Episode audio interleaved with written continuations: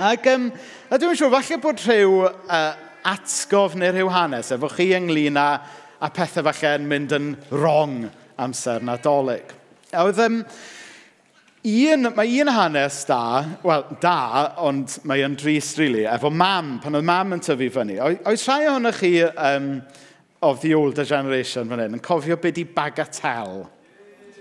Ie? Yeah? Na ni, chi'n cofio? So, oedd Bagatel, o beth dwi'n dall, doedd e fel rhyw fath o fel pinball game. Um, so, cyn PlayStations, cyn Nintendo Switch, dyma oedd, oedd plant yn cael cyn Xbox, oedd y spel cyn Xbox, cyn PlayStation, cyn hwn i gyd, oedd gyda chi gemau oedd actually yn rhywbeth go iawn. A beth oedd bagatel, mae'n debyg, oedd oeddech chi'n rhyw nocio rhyw bel fyny, a wedyn oedd yn pingio off y pins yma i gyd. Ac oedd mam wedi bod yn disgwyl mlaen, tu oedran cadog oedd hi, dwi'n meddwl, wedi bod yn disgwyl mlaen um, am y bagatel yma, a bore dydd nadolig, dyma hi neidio allan o'i gwely yn excited i gyd, a glanio ar ben y bagatel. Ac a i chi sy'n gwybod beth ydy bagatel, fel, fel y pins yma i gyd yn sticio lan yw e, a wedyn treuliodd, uh, treuliodd mam a mam gi um, y, y nadolig yna i gyd yn dobio TCP mewn i'w traed so oedd hwnna'n nadolig i'w anghofio. A wedyn mae gennym ni stori um, ddoniol arall, um, ond eto trist mewn ffordd, am teulu dad. Nawr, um, da chi uh, da ni gyd falle'n trio creu y, uh, y Nigella Christmas, neu Jamie Oliver Christmas, neu whatever Christmas. Ac, um, ond yn hawdd iawn, mae Nigella Christmas yn chi troi mewn i'r Christmas Nightmare yn dydy. Um, a ddigwyddodd hwn i deulu dad yn waith. Achos, ddyn nhw goginio'r Twrci, a nid yn unig bod nhw wedi anhofio tynnu'r giblets allan, ond oedd y giblets mewn bag plastig. oh, my God. I know, yeah. Ac, um, geith, geith, geith, gofyn, gofyn i dy dad ar ôl mewn adre beth i giblets. Gewch chi esbonio beth i giblets. Ac, um, a mae'n wir yn dydy, um, sut mae'r nadolig perffaith weithiau ddim cweith yn gallu gweithio mas yn iawn. A mae hwn yn rhan o brofiad pob un ohono ni'n dydy. A, a mae gyda ni rhyw syniad yn does o ddelfryd y nadolig perffaith. Y, y nadolig um, Instagramaidd, fel dwi'n licio galw fe. Ond y gwir amdani yw, dydy bywyd ddim wastad yn fel i gyd, na di. Dydy bywyd dim cweit mor picture perfect a mae'n Instagram accounts ni yn awgrymu. Dwi dim ond yn rhannu lluniau neis o hogiau ni ar Instagram. Dwi ddim yn rhannu lluniau ohonyn nhw pan maen nhw'n cael tantrums. Dwi dim ond yn rhannu lluniau ar Instagram pan dwi wedi gwneud rhyw bryd bach o bwyd neis. Dwi beth yn rhannu lluniau o beans ar dost na be da ni'n bita rhan fwy ar amser. A mae'n wir yn dydy, mae gyda ni rhyw ddelfryd, da ni'n licio projectio be ydy'r bywyd perffaith.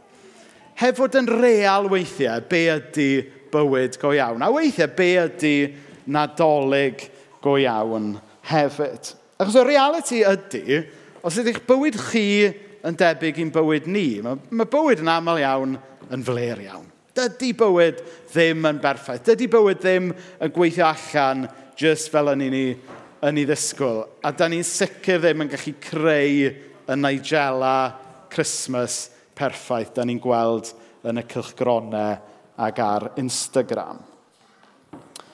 Ond, newyddion da yn adolyg, a dyma mhregaeth i, i chi bore yma, newyddion da yn adolyg yw mae at bobl amherffaith, at bobl bler fel ni, mae Iesu wedi dod. Dydy Iesu ddim yn disgwyl i ni gael bywyd perffaith cyn bod o'n dod ato ni. Mae'n dod ato ni just fel ydyn ni. Mae'n dod ato ni yng nghanol yn blerwch, yng nghanol yn bywyd pan mae pethau yn mynd yn anghywir. Nawr, dwi'n mynd i just darllen uh, chydig adnodau o'r Beibl rwan. Um, Ti'n gallu mynd ymlaen na ti, diolch ar wel. Um, Tua'r adeg yma, dyma Cesar Augustwch yn gorchymyn cynnal cyfrifiad drwy'r ymerodraeth rhyfeinig i gyd. Roedd pawb yn mynd adre i'r trefi lle cawson nhw ei geni i gofrestru ar gyfer y cyfrifiad.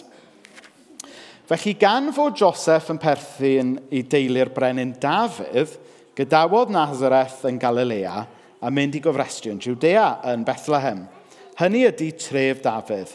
Aeth yno gyda mair oedd yn mynd i fod yn wraig iddo. Ac a oedd erbyn hynny'n disgwyl babi. Sylwch ar drefn pethau fyna. Tra oedden nhw yno, daeth yn amser i'r babi cael ei eni. A dyna lle cafodd ei phlentyn cyntaf ei eni, bachgen bach. Dyma hi'n lapio cydachau geni yn ofalus amdano. A os ydi orwedd, beth? Mewn cafn ar gyfer bwydo anifeiliaid. Doedd dim llety iddyn nhw aros ynddo.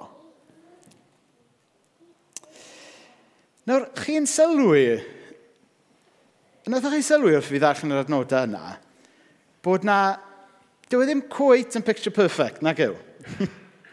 dyw e ddim cweit y ddelwedd berffaith yma da ni'n gweld yn yn cardiau nadolig. Yn gyntaf, chi'n sylwi fod Joseph a Mair, dyn nhw ddim yn briod.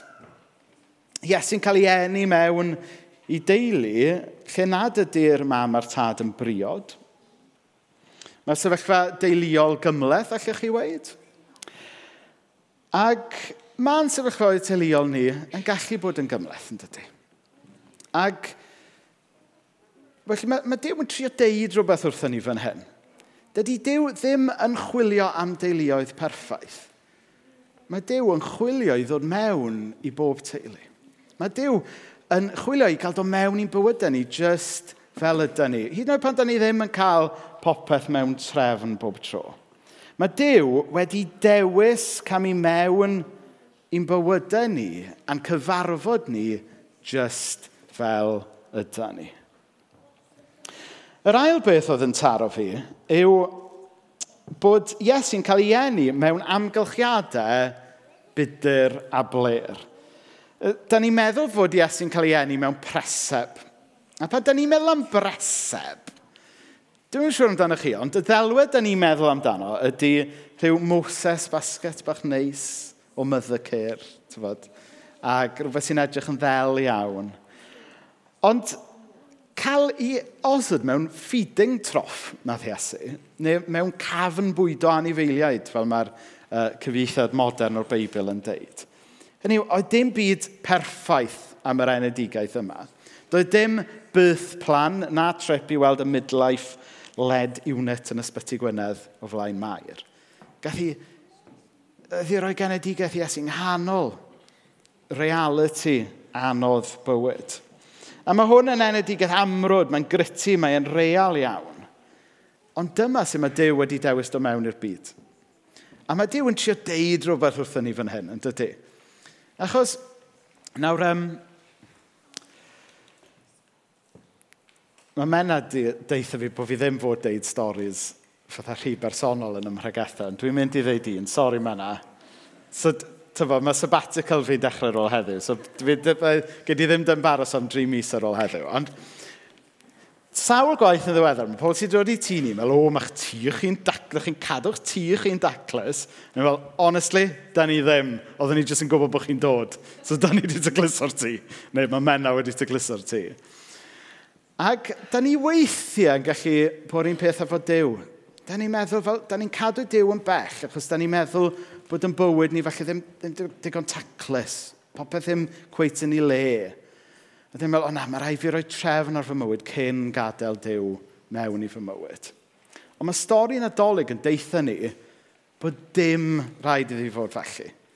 Mae Dyw yn cynnig do mewn i'n bywyd ni a'n derbyn ni just fel yda ni.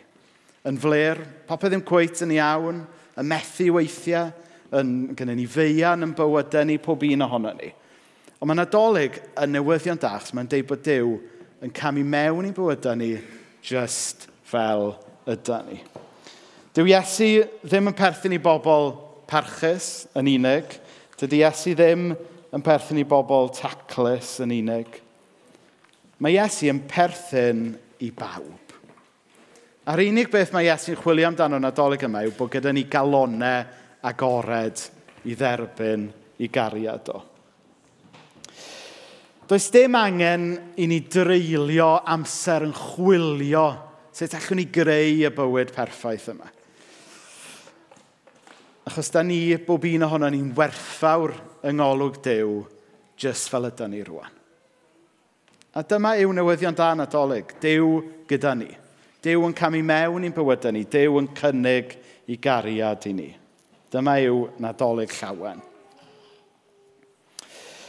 Gewch chi ddim lot o beth am ddim nadolig, na gewch chi. Oeddwn ni, gethon ni, um, ges i fynd i weld Noel Gallagher yn Lerpwl nos iau. Mae, chael, mae hero, hero cyddorol fi. A wedyn o'n i'n mynd rownd y siopau dwi'n o'r wedyn. Gosh, mae pethau ddrud dyddi yma. Yn arbennig yn um, Lerpwl. Un peth da, mae pobl yn deud, o, dys am siopen yn Gynarfon. Honestly, da ni wedi'n arbed. Da ni'n goffo gwario pres wedyn. Ond um, oes dim lot o beth am ddim mewn bywyd, ond mae'r peth pwysicaf am ddim, sef rhodd cariad Dyw i bob un ohono ni. A mae amser nadolig yw'r amser gorau yn y flwyddyn i ni dderbyn y rhodd yma. Achos does dim rhaid i ni geisio byw lan i rhyw fywyd, does dim angen i ni geisio impresio Dyw. Mae Dyw jyst yn caru ni fel ydy ni. A mae hwnna yn newyddion da. So dyma yw'r neges nadolig o'n i eisiau rhannu efo chi.